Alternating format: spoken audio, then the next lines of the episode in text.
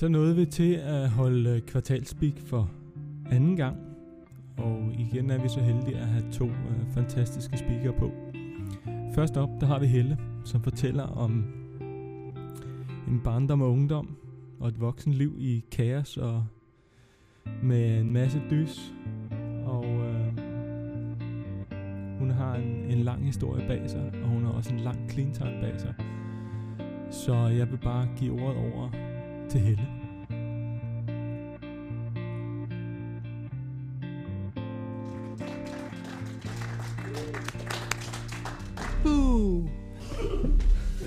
Jeg hedder Helle, jeg er hasafhængig.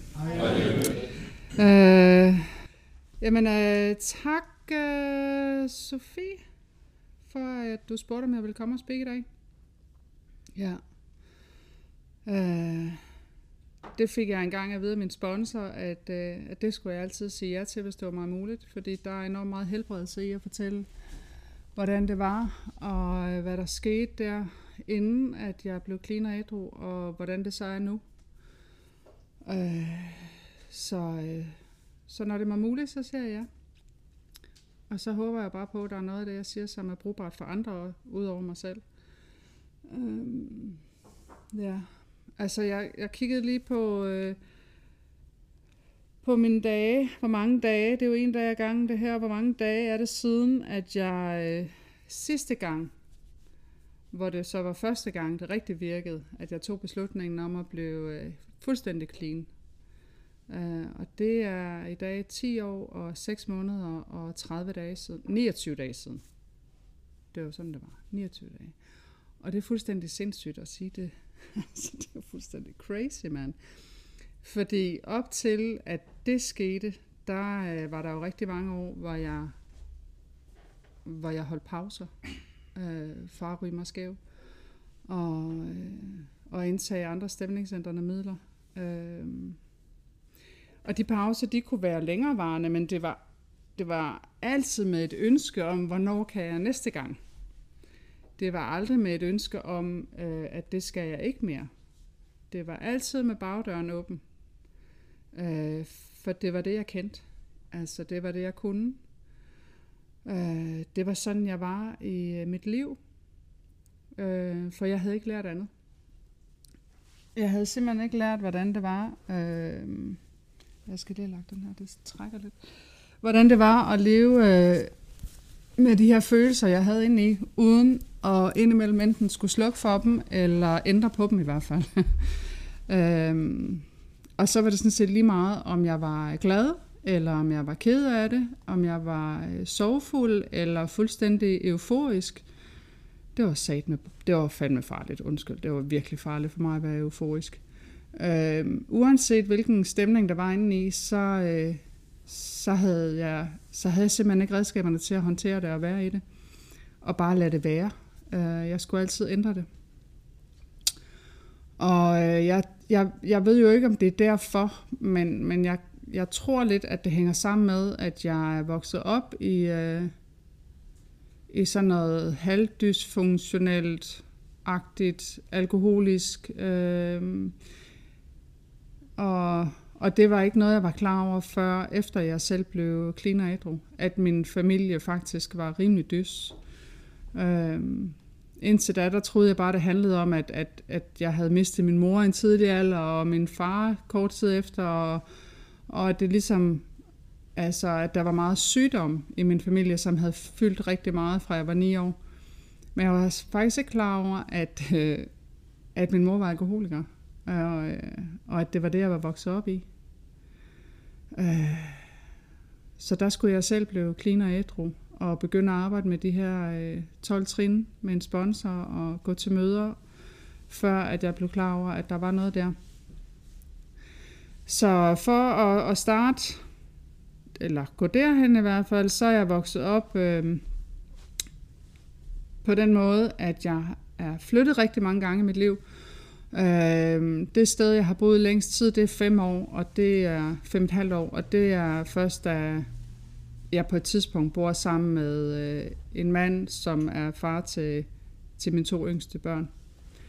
Øh, indtil da, der øh, havde jeg aldrig boet et sted øh, mere end, øh, end få år gange.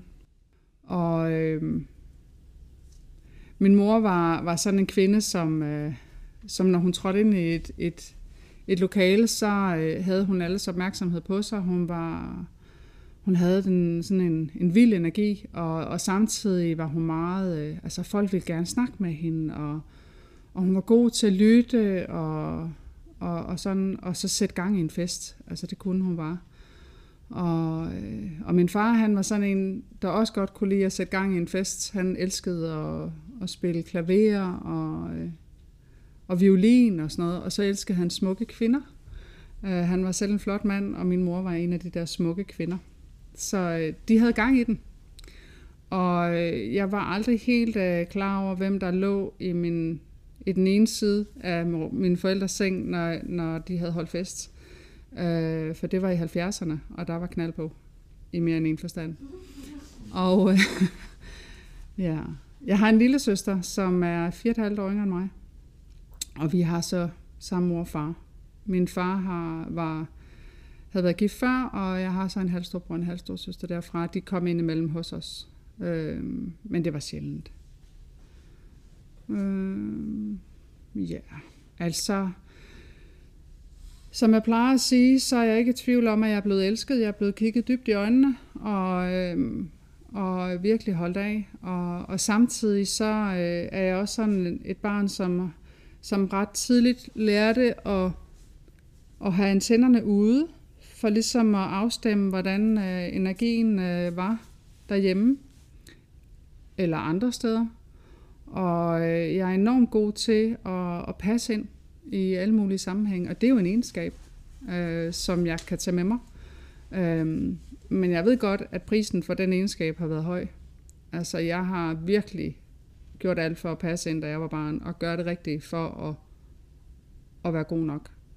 Og jeg havde alligevel altså sådan en, en eller anden stemning inde i af ikke at passe ind og ikke at være god nok. Selvom at jeg var mega god til at spise pænt og sidde oven ved bordet og gøre alle de der ting. Øhm, ja. Øh, altså, og for at give et billede af det, så, øh, så, så min, mine legekammerater på vejen, der hvor vi boede, da jeg var helt lille, det var sådan nogle... Øh, som virkelig levede under fattige kår. Og, øh, og der passede jeg faktisk meget godt ind. Altså, jeg var sådan et barn, der godt kunne lide at blive beskidt, og jeg elskede at være ude, være ude i naturen, og det var sådan der, jeg flygtede ud, og jeg havde sådan en, en øh, det, det er noget, der betyder meget for mig, så det plejer jeg at dele om, at øh, jeg levede meget i sådan en fantasiverden, hvor jeg var indianer, og jeg havde min, øh, min sorte panter ved min side, og hun er der sgu stadigvæk. Altså, øh, Ja. Så øh, den der natur og det der med at komme ud og blive beskidt og øh, lege med de der, øh, især et par veninder, som virkelig levede under fattige kår, det, det, det kunne jeg. Og så på den anden side, så, øh, så indimellem, så var vi, fordi min mors øh, gode ven og tidligere kæreste var, øh, var sådan en greve, så vi var også indimellem på, på slottet på Eskov og til fine middag og... Øh, og det kunne jeg også. Øh, og det er jo fedt at kunne det i dag. Altså, det der bare øh, har taget mig lang tid, og jeg stadigvæk indimellem øh, kigger på og kigger ind i, det er, hvem er jeg? Altså, i alt det, øh, når jeg nu har gjort så meget for at passe ind. Og den der følelse af at være forkert, og ikke helt nok, ikke helt god nok, eller øh, i andre sammenhæng bedre end, det er sådan en, en stemning, som jeg har taget med mig. Da jeg er omkring øh, 13-14 år, der, øh, der opdager jeg hassen for første gang. Og øh, det aller, den allerførste skævert, jeg har, der bliver jeg knokleskæv. Altså, der er en, der sidder og holder den der chillum der. Og så siger han, su for helvede. Ej, mand, jeg fik det dårligt, altså. Og, og jeg var virkelig, jeg lå og kastede op lang tid, og, og troede, jeg skulle dø, og holdt bare rundt om det der toilet der. Og, øh, og så gik jeg hjem og fortalte min mor, at jeg havde prøvet noget, der hed has, og at det, øh, det havde været sådan og sådan. Og min mor sagde til mig, at det synes hun ikke, jeg skulle gøre mere. På det tidspunkt var min mor syg. Hun blev syg med kræft, da jeg var ni. Så, øh, vi havde sådan et forhold, hvor, hvor jeg egentlig fortalte hende øh, det meste af det, jeg foretog mig, og sådan lidt venindeagtigt. Øh, så derfor fortalte jeg hende selvfølgelig også med det has der. Og jeg kunne godt se logikken i, at det skulle jeg bare holde mig langt fra. Lige indtil 14 dage efter. så skulle jeg da lige prøve det igen. Og, øh, og så var jeg hugt. Altså. Og det er sådan noget af det, der kendetegner mig og, og den her sygdom her, for mit vedkommende, at, at jeg, selvom der er noget, der virkelig er dårligt for mig, altså det er en dårlig oplevelse, jeg, jeg, jeg får det skidt, så vil det jo være sund fornuft at sige nej tak, det skal jeg ikke have mere af. Men sådan er det ikke inde i mig. Der, øh, der var et eller andet der, der havde tændt sig i mit system, så selvom at jeg havde haft det af helvede til, så skulle jeg ed med nok sørge for at finde ud af, hvordan jeg kunne gøre det, så jeg fik det sjovt.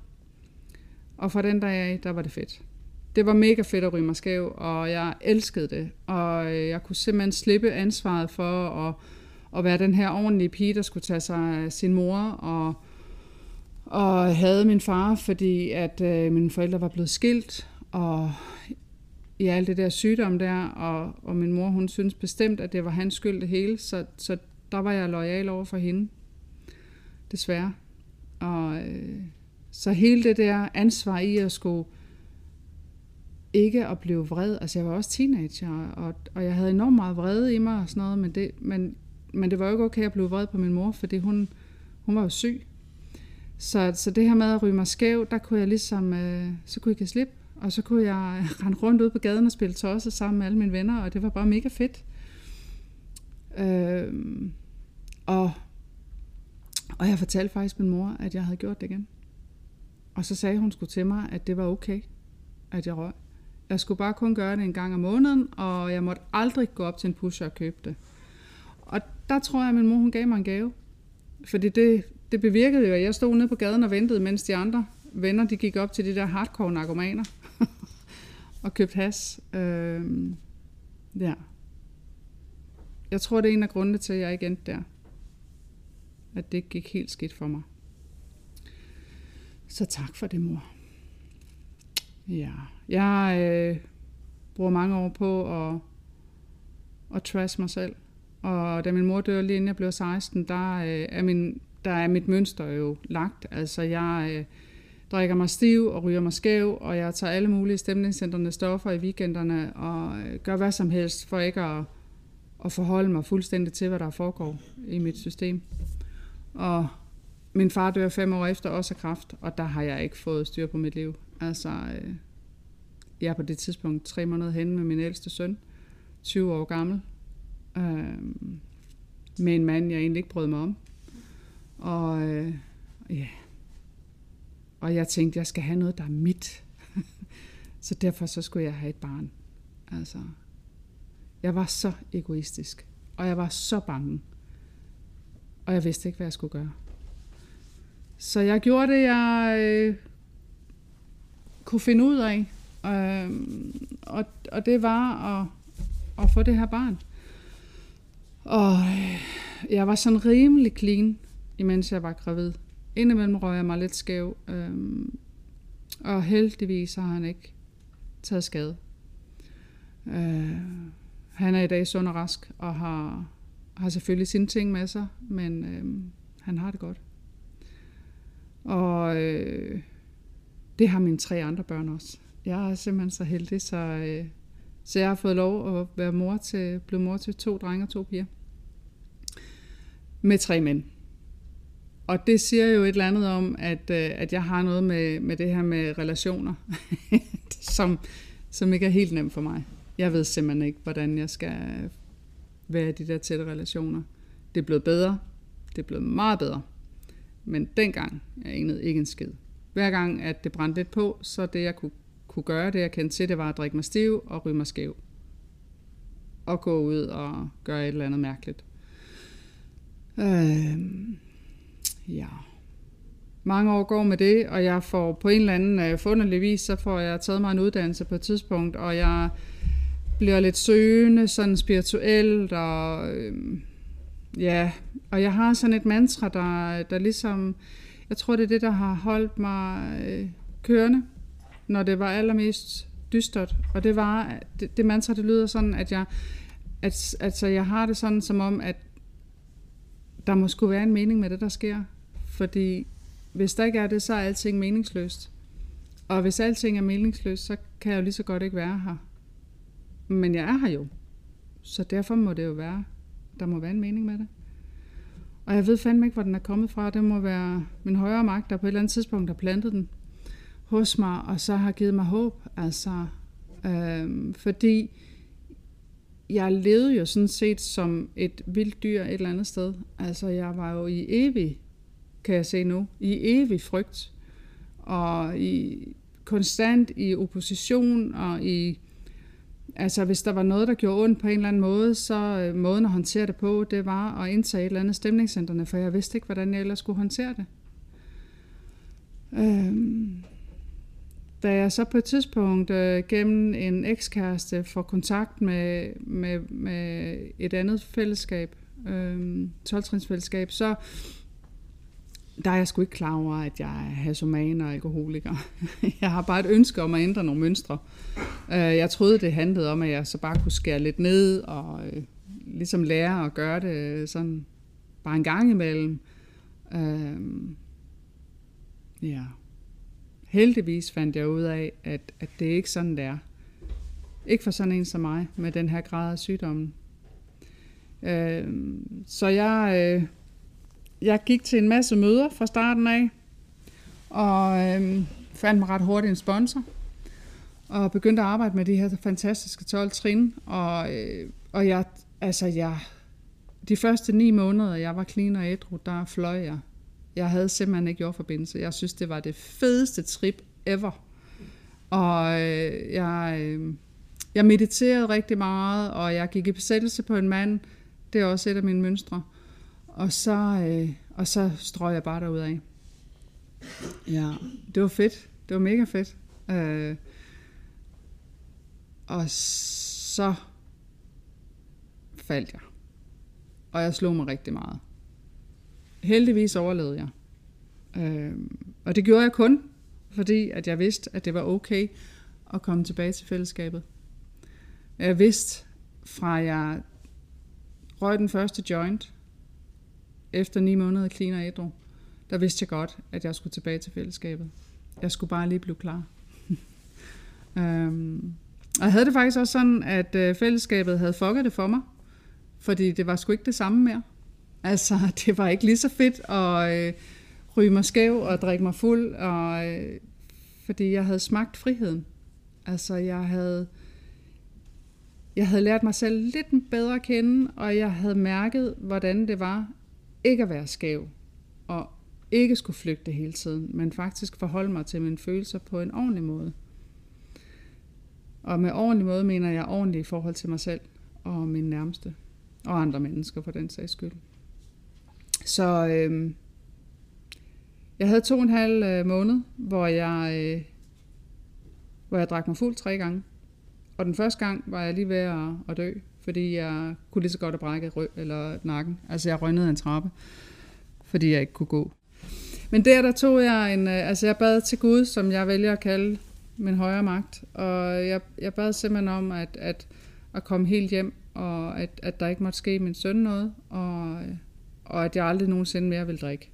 Og det har jeg faktisk ikke gjort.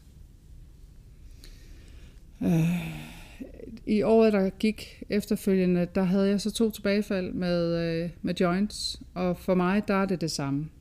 Altså, det, det er et stof, og det er, uanset om det er det ene eller det andet, så har jeg taget det for at flygte fra mine følelser.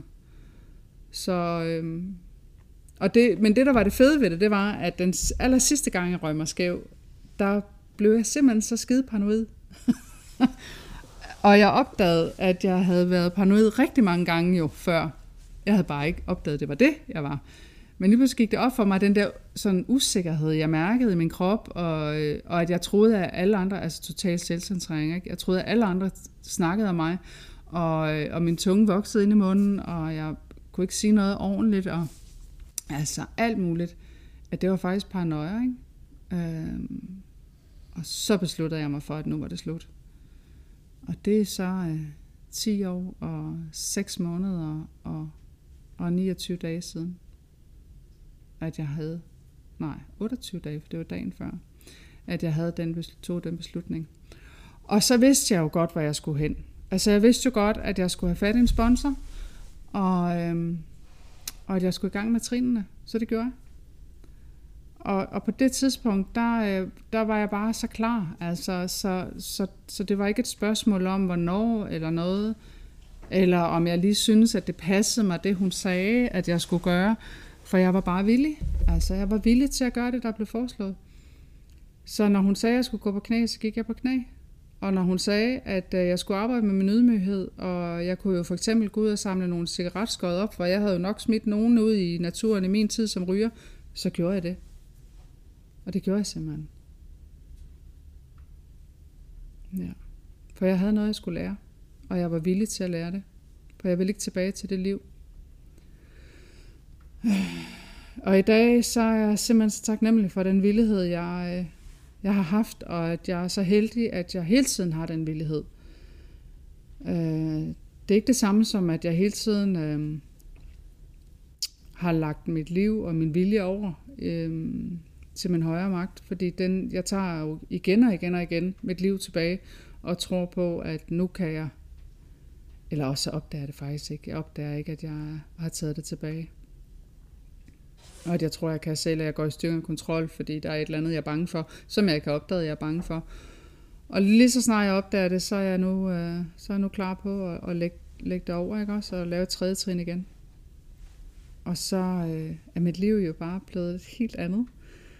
Altså, øh, ja, det er i dag, hvor jeg, øh, ja, jeg har et rigtig godt øh, forhold med alle mine børn. Og, øh, og jeg har den mest fantastiske kæreste i, øh, det, i hele universet. Altså sådan er det. og i hvert fald for mig. Han er, han har ikke noget problem. Og det synes jeg er vildt, fordi egentlig har jeg jo efterfølgende været sammen med mænd, som, som jeg på et eller andet sæt kunne redde øh, ubevidst, eller skulle ændre på, eller noget, øh, som havde et eller andet issue. Og det har ham her ikke. Og det er fantastisk. Altså, han er så han respekterer mig, og han rummer mig fuldstændig med alt mit mærkelige, eller umærkelige, det ved jeg ikke, sind og de ting, jeg sådan som jeg er.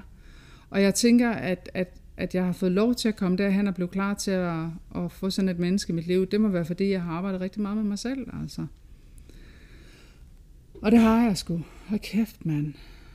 Det har jeg. Og det fortsætter jeg med. Det er jo, det er jo, altså jeg har det sådan, at det er jo et, det er jo et liv, hvor jeg, hvis jeg står stille, så står jeg jo ligesom på en rulletrap, der går imod mig, så kører jeg jo baglæns. Så jeg bliver nødt til at, at fortsætte den her rejse her. Det gør jeg gerne, fordi det er fedt, altså.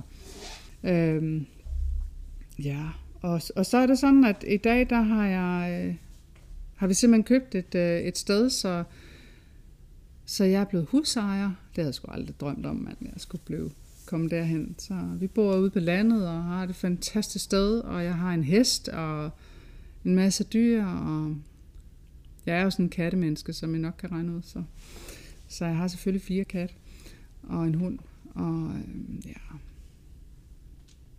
det er livet på livets præmisser. Og i dag, der øh, selvfølgelig gør livet ondt indimellem, og, og jeg har også nogle ting, jeg bokser med.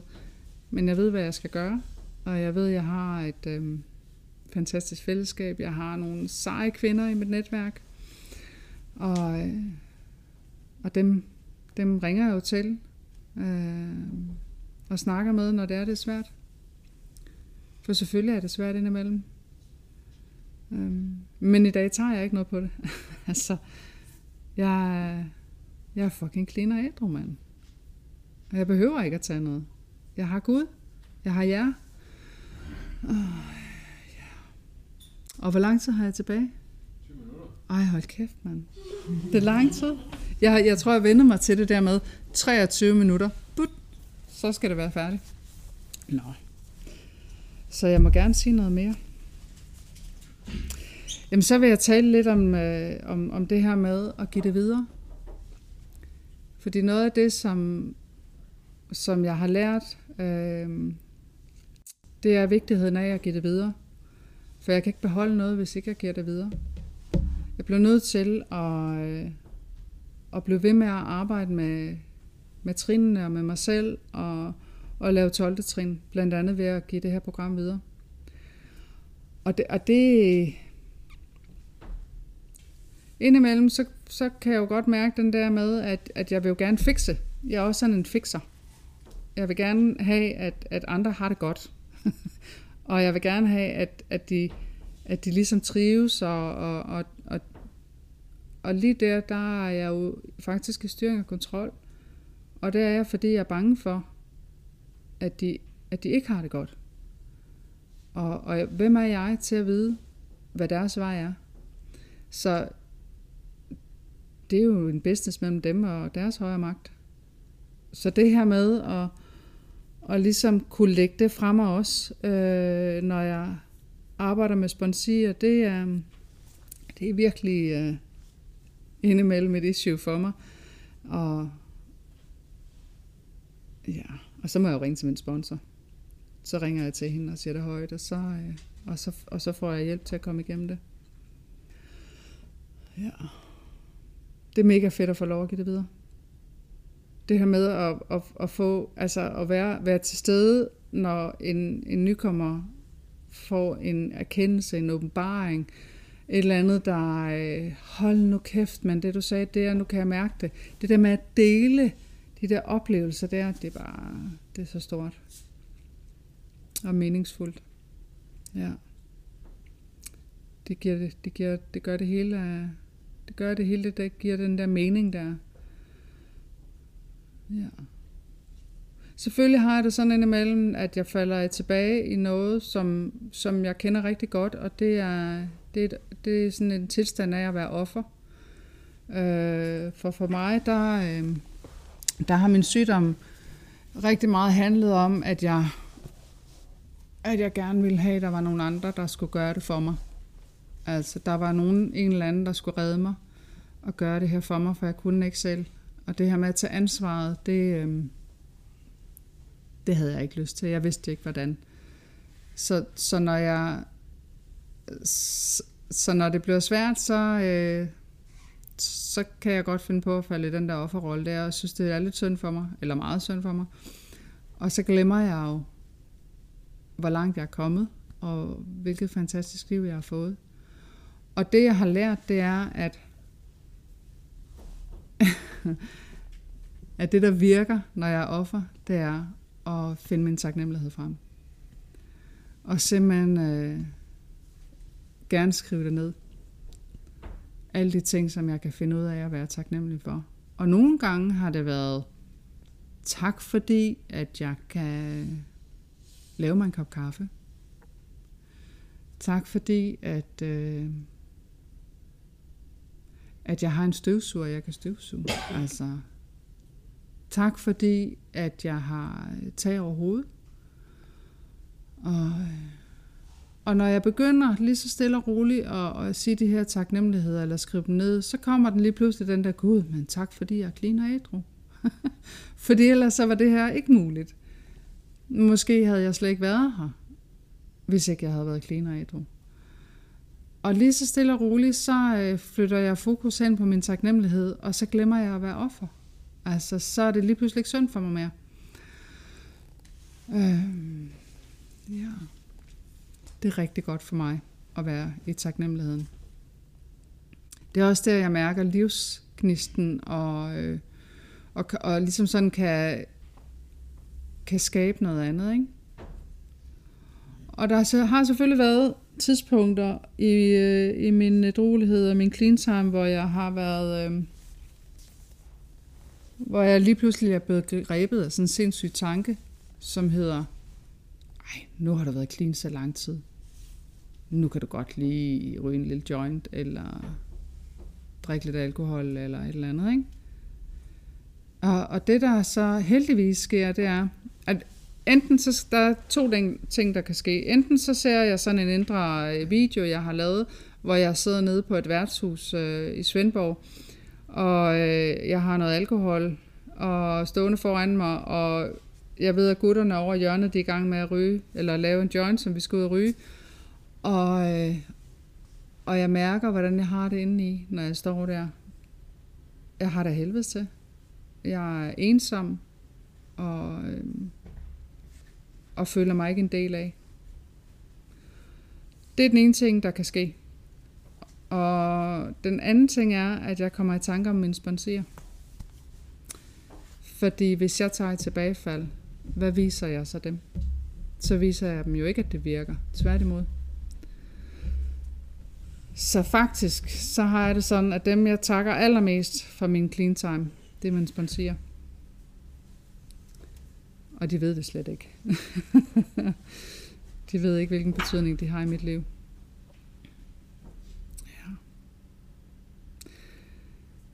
Ja. Øhm, hvad skal jeg mere sige?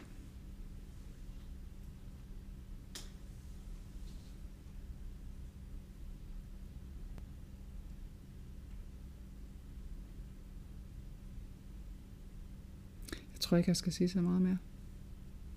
Det tror jeg faktisk ikke. Ikke andet end tak, fordi I er her. Og, øh, og er mine fælder. Og at vi deler den her rejse sammen. Jeg er dybt taknemmelig for jer alle sammen, og alle dem, der ikke er her i dag. Øhm, fordi uden jer, ingen mig. Og sådan er det virkelig. Jeg kunne ikke gøre det her alene. Jeg kunne ikke regne det her ud. Øh, jeg kan kun være her, fordi jeg er her. Så tak for jer. Og tak for mig. Thank you.